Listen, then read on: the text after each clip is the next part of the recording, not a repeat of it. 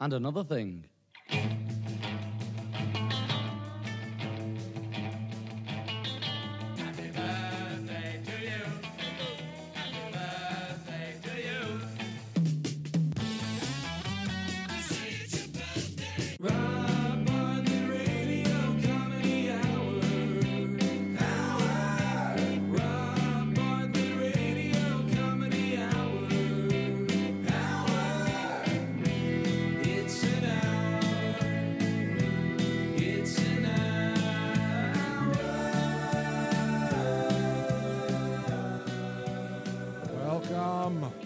Boys and girls, to the Rob Bartlett Radio Comedy Hour. I am Rob Bartlett, and this is my Radio Comedy Hour, episode 43.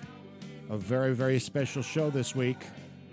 This is the Robio's birthday extravaganza. Yes, yes, boys and girls, this Saturday is my birthday, and uh, apparently a bunch of our, our old friends will be by with some good wishes. Gary Busey will be here. Uh, I understand blind Mississippi white boy Pigfeet Dupree has written a birthday blues song for me, and uh, I think there's some other surprises in store. So uh, stick around.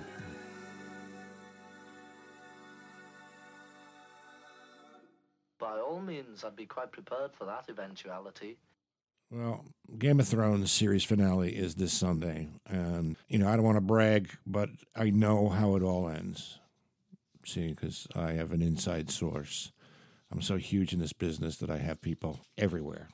Uh, I know somebody from the production company who smuggled out a script, and so I have all the spoilers.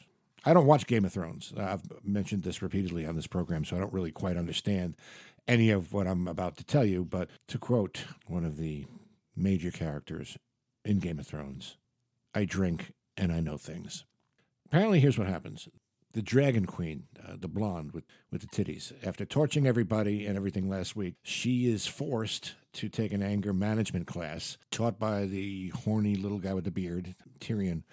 I think his name is. Um, Arya, the, the tomboy, her direwolf, Nymeria, returns, but before he reunites with Arya, he stops to lick his balls and is killed by Jon Snow, who winds up being sent into exile for sexting with Sansa Stark. The little horny guy with the beard escapes the final battle and becomes a children's clothes designer. Winterfell is turned into an amusement park run by Drogo the Dothraki, who is brought back to life by Daenerys, who originally smothered him in the first place, but it's step nine in her make amends part of her Rage 12 step program. And then uh, in the final scene, everybody dies. So there you have it.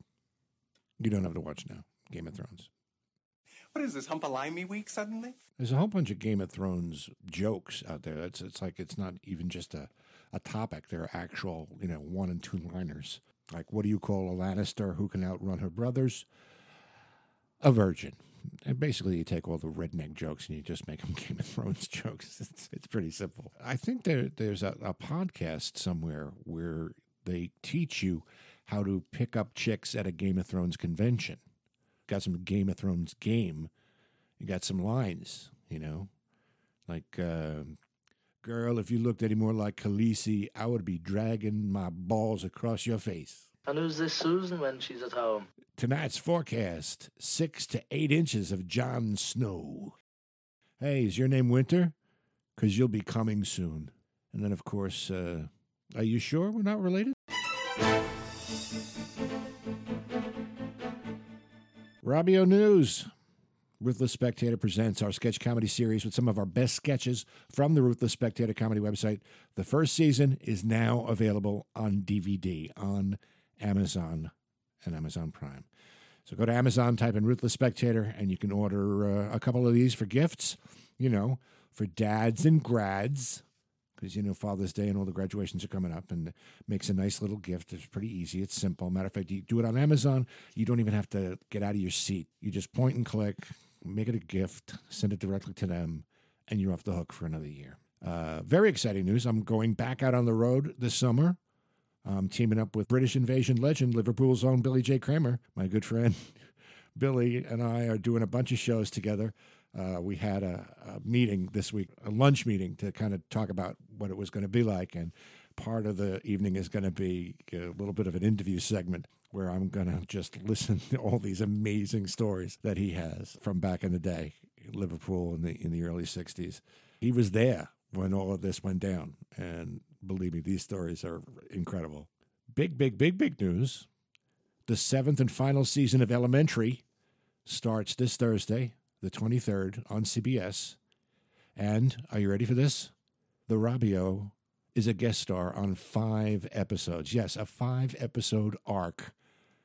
I play a police captain. 40 years in the business, I finally get to be a cop. It's all I ever wanted to do. It's the only reason I ever wanted to go into acting, so I could play a cop. And now I am playing a police captain. Five episodes. My character comes in in episode three. Uh, it's a great show. Just can't wait to see it because I got to do scenes with all the big stars you know, if you want to know what's going on in, in the world of Robio, you can uh, get all the info on the Rob Bartlett Radio Comedy Hour Facebook page. Very simple. And you can follow us on Twitter at the Robio, R O B I O. On Instagram, we're Robio Radio Comedy. We're also Robio 007. And uh, you can always email us at Robio Radio Comedy Hour at gmail.com. I'd love to hear from you. Hello. Hi, Yoko. How are you? I'm good, thank you. You? yes. Mhm. Yes. I heard it's your birthday. Yes, yes. Yes. Well, Saturday. It's my birthday too. Yeah. Not really, but I I- I just see what you did have there. that song in my head. Yeah, You know, mhm. From all the many years I spent with John. So, what do we have Uh, this pleasure? I was going to uh, go to my latest uh, art installation. Oh, oh, really? Yes, you know, my work is both provocative and voyeuristic. Yeah, I was just going to say like the same. my performance art piece from a number of years ago, where Uh-huh. I buried myself in a bed of marshmallow fluff while circumcising a goat. Oh, what did you call that? Marshmallow goat circumcision for peace. Of course. everything is for peace. you know. of course. Um, yeah. But the, what I'm doing this time, Mm-hmm. I, I is very innovative. It's a very very powerful work. I'm sure. I I stand naked on a 13 foot scaffold Mm-hmm. and push plastic eggs filled with paint out of my vagina onto an empty canvas. Oh, uh, let me guess what you call that one. Um, I call it pushing plastic eggs filled with paint, out, of my, vagina, onto an empty can- canvas yeah. mhm. for peace. Oh, always for peace. Of course. Now, by doing this, I'm basically embodying the symbolic strength of the creative power of femininity. Okay. You know, Jackson Pollock basically did the same thing, except without a vagina, of course. wow. he just dribbled the paint onto the canvas Mm. like a like a urine stream from a man who suffers from prostatic hyperplasia. That's an unfortunate. But he got 140 million bucks for it. Well, that's true. Of course, I'm a woman, so I don't expect to get more than 112 million because of the gender pay gap. Yeah. Well, do you have any paikus? Oh, oh, you mean the ancient Japanese art form uh, uh, consisting of 17 syllables, five syllables, followed by seven syllables, followed by five syllables? Ye- yes, that that. Of course, how could I not? It's it's kind of a thing now, isn't it? I mean, I'm Yeah. not surprising you. Is it? No, not a surprise. This is me. one that I call peace is possible. Uh huh.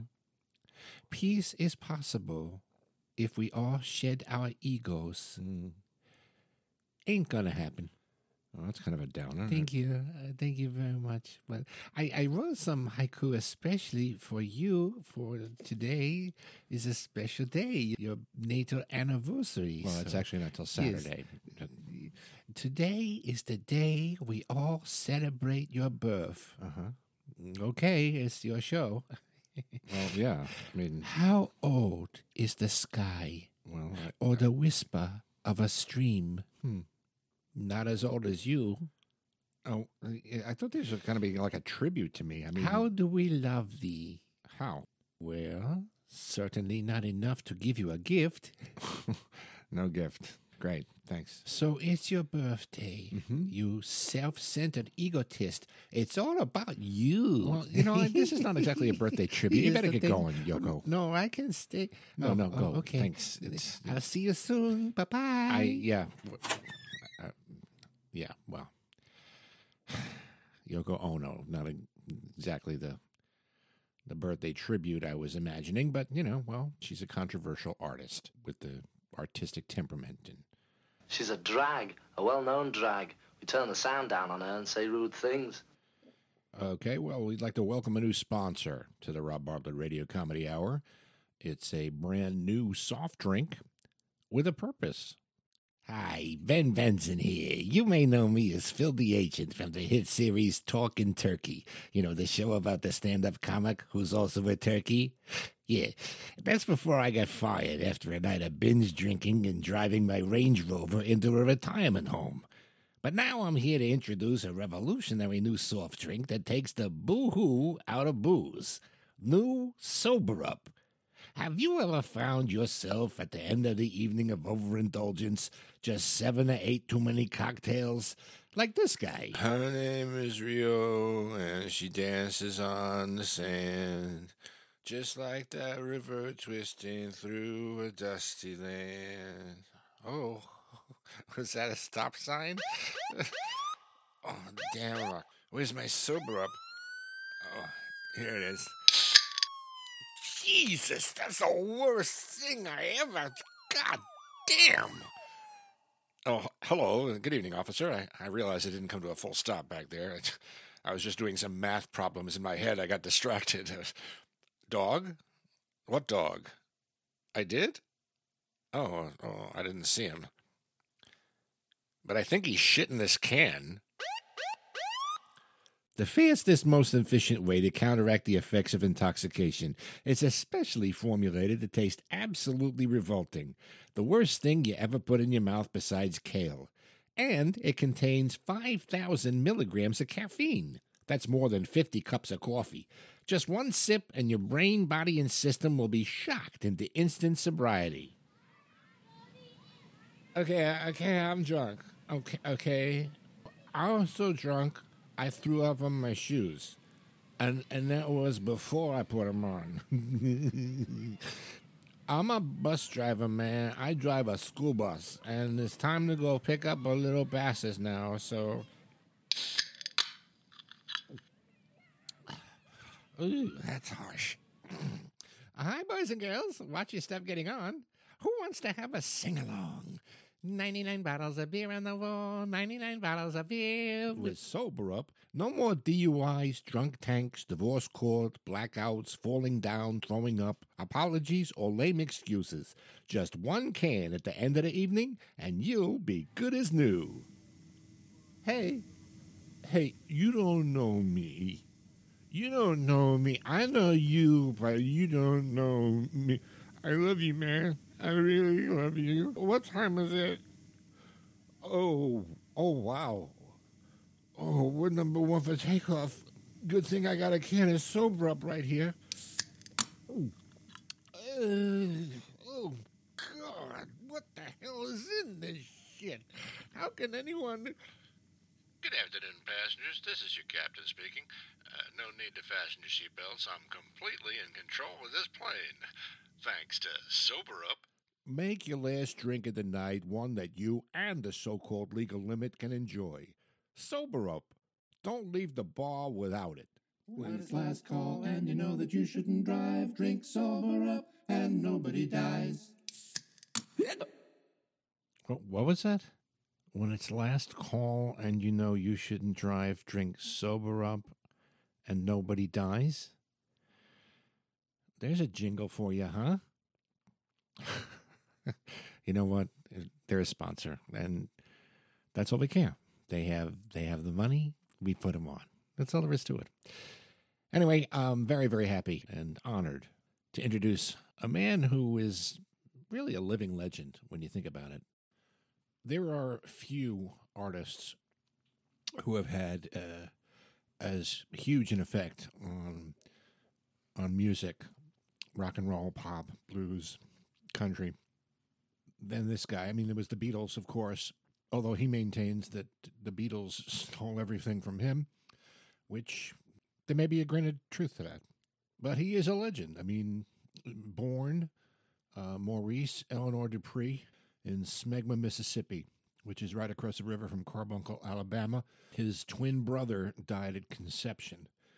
But uh, that was not the only tragedy that would befall him at the beginning of his life. When he was five years old, Uh, they took him to the doctor due to a, a strangely halting and somewhat delicate stride, and he was diagnosed with porcine chirodopoditis, a condition in which all five toes are covered with only one nail, which earned him the nickname of Pigfeet. He uh, he taught himself how to play the harmonica, which he which he called Lulu Bell, and it's the same one he's played for over 70 years that he plays today.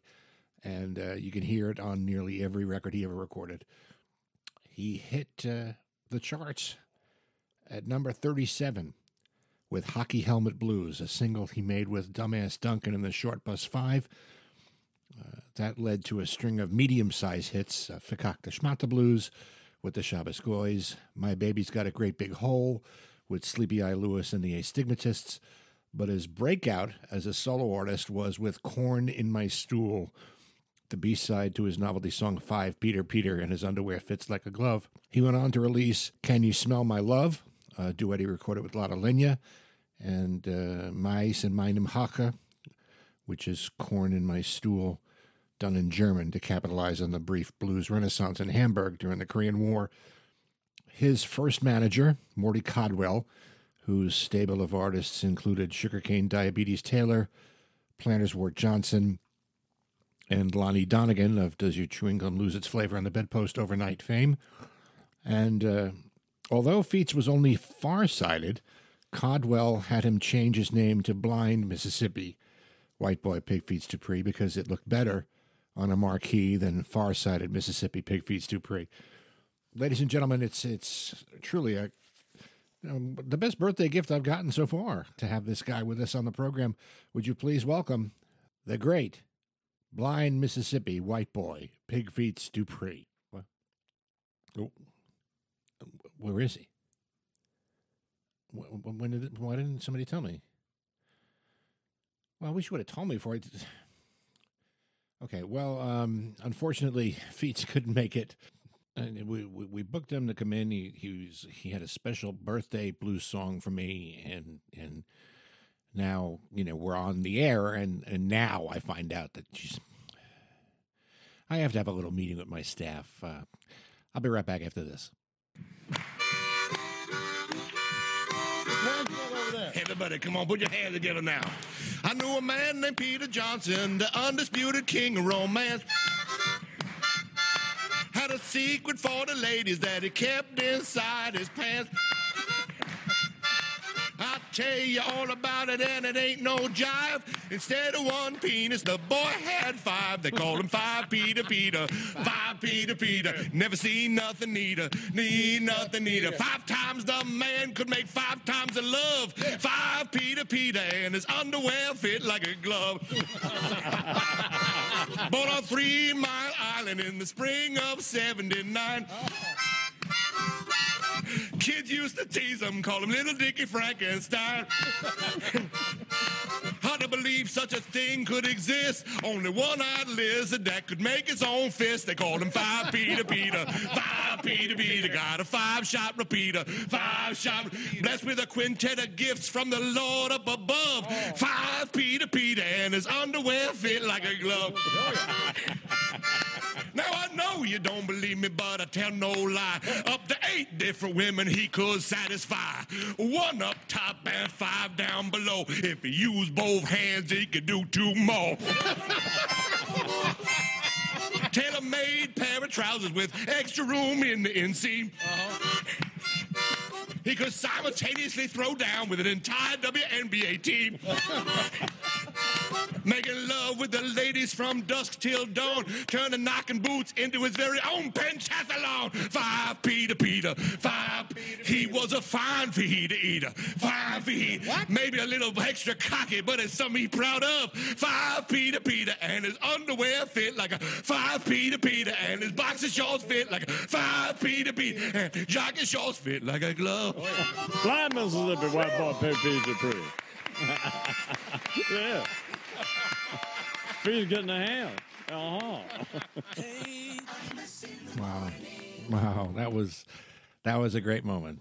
We'll have another trip down memory lane from the Imus in the Morning program in our I Remember Imus segment in just a bit. But first, uh, is he here? You know, we've confirmed this. Okay. All right. We're very happy to bring back to the program uh, another one of our good friends, actor, musician, author, philosopher, Mr. Gary Busey. Thank you. Th- thank you very much. my pleasure. I understand that you're uh, you're celebrating a birthday. Yes, I am actually a Saturday. Birthday, basking in remembrances that honor departed ancestors yearly. Uh, okay. You know, celebrating a birthday is like taking the time to read the menu at the Waffle House. Oh. But I want to sincerely wish you a happy birthday in the hopes that my genuine desire to direct positive energy towards you on your natal anniversary will inspire you to look within your heart and realize that listening to your podcast is like nailing jello to a tree or asking a cat for a favor. Okay. I never. You need to free the being of light that lives inside your head, and so I suggest you do what I did: get on a Harley and drive it 130 miles an hour into a concrete structure until skull and pavement truly become one. It's quite liberating. My accident left me with powers and perceptions far above normal humans. I don't have deja vu, but I do have vujade. I remember things that haven't happened yet Oh, really? which gives me a unique perspective on the world, a direct result of my living life without a helmet. Well, that's true. I am a dope. D O P E, Director of Positive Energy. And the reason why I know this is I have a gift. What's that? My perceptions are based upon electrical impulses that emanate from my brain and manifest in my genitalia as beams of refracted light. so if I were to open my zipper right now, you would see a rainbow. Oh, really? I'd like to see A lot of people ask me what it's like to be me, but I'm the last person to know that because I'm on the inside of me and I'm looking out at all of you. And here, I'm a stranger in a strange land. Oh, yeah. It's like vacuuming a Pomeranian. What? Anybody want a piece of cheese? Gary Busey. Yeah. Boys and girls, thank you. Thank you, Gary, my for pleasure, sir. My pleasure. joining us on this celebration mm-hmm. of my birthday. I have no idea, you know, what the fuck you just said, but uh, I know it comes from the heart. I, I It does. It, it, it sincerely does. Happy birthday. Hey y'all, how are you? look, I'm Paula sorry, am I Deen. Late? No, I'm sorry. no, no, There, not at all. There was supposed to be a surprise party for you, Rob. Everybody was going to attend. Really? Even Larry Flynt, but uh, we couldn't get the ramp built in time. Oh. Brian Wilson, Sling Big Carl, Uh-huh. RSVP'd regrets only because both of them can't share that one IQ point. Oh, yeah. And the Godfather, Hulk Hogan, Gangster Mickey, Bill Clinton, Rush Limbaugh, Elvis, and Dr. Phil. Well, it, it seems they had everything else better to do, which is a dang shame because I was bringing the appetizers. Really? I was going to serve my pork rind encrusted spam fritters with Bosco sauce, Wonder Bread salad. Mm. What's that? That's where you take a loaf of Wonder Bread, tear it into two inch pieces, Uh-huh. pour two bottles of ranch over it, and then add in a pound each of raisinets and peanut M and M's. Oh. But I was most excited about my teeny weeny beanie weenies canapes, What? Which I was renaming Barney Franks and Blanks uh-huh. because he was supposed to be here until Yeah. he said he had to beg off from attending because he had tickets to Kinky Boots. Oh, oh I thought that had closed. It did a couple weeks Anyway, these are easy as pie to make. Y'all take five dozen kosher hot dogs, a couple cases of Swedish meatballs, a gross of puff pastry sheets, 60 cans of refried beans, the lard free kind, want to be healthy, and 40 cans of whipped cream. Now, take each wiener, attach two Swedish meatballs to either side of the base with toothpicks, roll the dog and the balls in a sheet of puff pastry, cover each one with a slice of Velveeta cheese, while they're in the oven, take your refried beans, add six sticks of margarine and some crumbled moon pies, and microwave them until they're all smooth and creamy. That's your dipping sauce. When the cheese gets all bubbly and golden brown on your hot dogs, take them out, squirt some whipped cream on them, and serve them with baby gherkins on the side. Mm. Yum, yum. Ho ho! Ho ho! Ho ho ho ho ho! Ho! I am not what I seem. Well, now comes my favorite part of the program, boys and girls. The segment I like to call I Remember Imus. You know, when I look back over my 40 year career, there are so many great memories. I remember all the good times, all the hard times,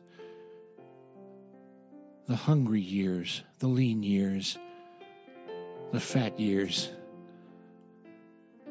I remember all the laughter all the tears, that painful rectal itch I had for a couple of months back there in the late 80s. But most of all, I remember Imus.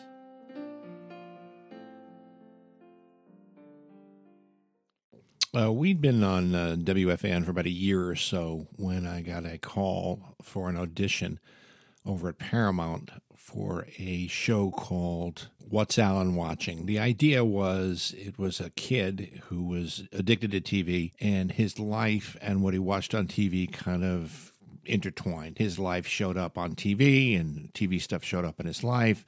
At one point, he's watching Jeopardy, and, and some of the questions are about his life. And um, it was a uh, Eddie Murphy production, Eddie Murphy Television. Clint Smith, Eddie's best friend, right hand man, um, one of the funniest people on the planet, by the way, was part of Eddie Murphy TV at Paramount. And he produced it along with Bob Tischler from Saturday Night Live. And I got a call to audition. So I went in, I auditioned, and got a call back and um, got the part. And you know, Imus was really happy and excited for me and yeah, kind of proud, which is kind of cool. And and so I was all ready to go. We had a shoot date, and then the writer's strike hit. And a year went by. All production was postponed. We thought that was pretty much it. And in the interim, I got a call from the Hudson Brothers. I don't know if you remember them. They're a, a pop group in the in the seventies who they uh, compared a, a cross between the Marx Brothers and the Beatles. Matter of fact, their their big hit "So You Are a Star" sounds just like a John Lennon song. And um, funny guys, funny funny guys, and they were doing a sketch show for Fox. So they flew me out. They flew me out to L.A. This is about a year after the contract for What's Alan Watching kind of went into oblivion. And I went out there for a couple of days to kind of woodshed ideas with them. Well, on the way back, my manager Gary got a phone call that What's Alan Watching was back on with CBS. And so I called the Hudson Brothers and told them I couldn't do I couldn't do their show, which really did not sit well, but this was CBS, it was network. You know, they had gotten the project, I said, bought it from NBC, and they were going to do it. So it was New Year's Day. I flew out uh, from Kennedy on MGM Grand, which was kind of like flying the Orient Express. Really, it was just the whole plane was first class. That was the idea. The compartment I sat in was like a Barcalounger chair that was sideways, kitty corner to the bar. There was caviar service. They brought by a cart with a bottle of vodka frozen in ice. I mean, it was just unbelievable. I hadn't seen Eddie in a while. He and I kind of started out together. We met at Richard M. Dixon's White House Inn, and uh, we became fast friends. And he and Bob Nelson and I had a little comedy group called the Identical Triplets. It was a package deal. We would each do a little bit of our own acts, and then we would do some improv at the end together because we really liked each other. We really had a lot of chemistry. We really worked well together. And so I fly out to LA and put me up at the Roosevelt Hotel right on Hollywood Boulevard. I'd never been to LA before, so it was kind of a cool experience. You know, you'd go to the movies and you'd be sitting with Hollywood actors, stars. It was the strangest thing. I remember seeing, uh, what was that movie? Uh, the Player, which was all about Hollywood, sitting behind Julia Phillips. Had written the book, You'll Never Eat Lunch in This Town Again. So it was kind of like life imitating art, imitating life. So anyway, we uh, we shot on the Paramount lot. It was directed by Thomas Schlamme. He was a producer and a, and a director of West Wing. Fran Drescher played my my girlfriend. I was Lenny Kling, the Carpet King, kind of a dweeby guy, uh, which was an easy part for me to play. And uh, Barbara Barrie uh, played her mom, and um, and Pauly Shore. But there were a whole bunch of people in show. I mean, the Smothers Brothers were in it. Uh, George Carlin was in it. It was segments. It was like little set pieces. You know, there were promos for TV shows like Gandhi on Ice and the Mr. Ed bio, which is where George Carlin was weighing in on how everyone stole from Mr. Ed. And it was a really, really funny, very innovative show, way too hip for for CBS, certainly at the time. One of the sequences they were going to do was a thing with Mike Tyson. It was a Mike Tyson divorce special. And Eddie was supposed to be Mike Tyson.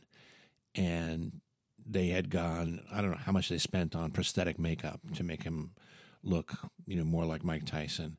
And they had a really elaborate set built. And, and then one day on set, uh, all of a sudden this production kind of stops and it's like all these little meetings and we get sent home and, and there's a lot of whispering in the corners and I found out from Clint that Eddie decided that he was not going to do the sketch, and the network went crazy because they had spent all this money to do the sketch, and Eddie had, I guess, befriended Mike Tyson, and Mike asked him, you know, oh, please don't do that, don't, don't, please don't. He he appealed to Eddie's better nature, and Eddie said he wasn't going to do it. So Tischler and the other writers had to get together and write a whole new sketch to fill it.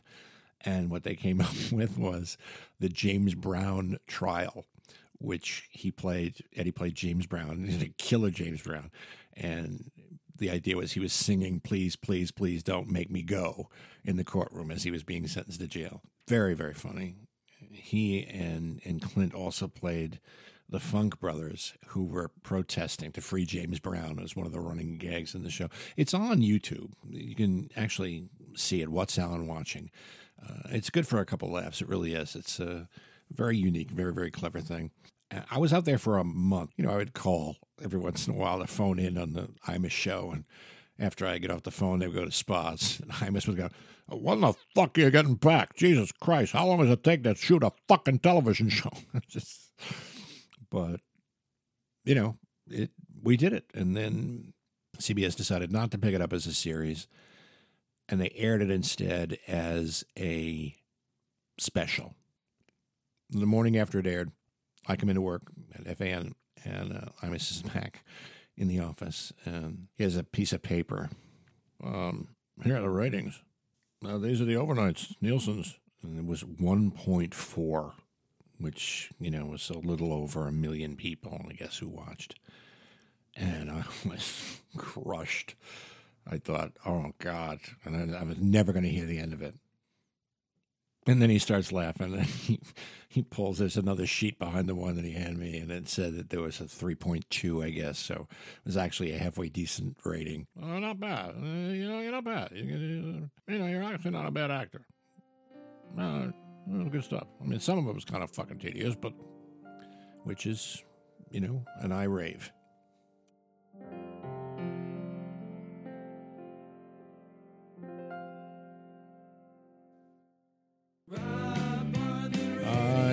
Means, boys and girls. Time to close the book on another thrilling edition of the Rob Bartlett Radio Comedy Hour, our special birthday extravaganza. I want to thank Yoko and Gary Busey and Paula Dean for coming by to help celebrate, and uh, my staff for fucking up the Pig Feets Dupree appearance. We'll be having a staff meeting right after we get off the air. Uh, don't forget, I'm on the road this summer with the great Billy J. Kramer.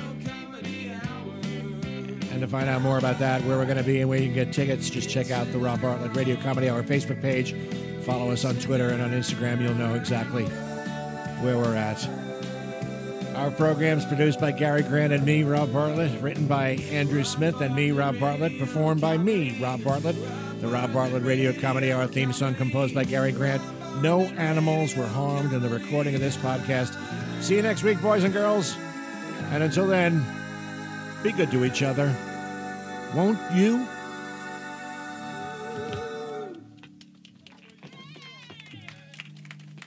Don't smoke. I'd like to say thank you on behalf of the group and ourselves, I hope we pass the audition.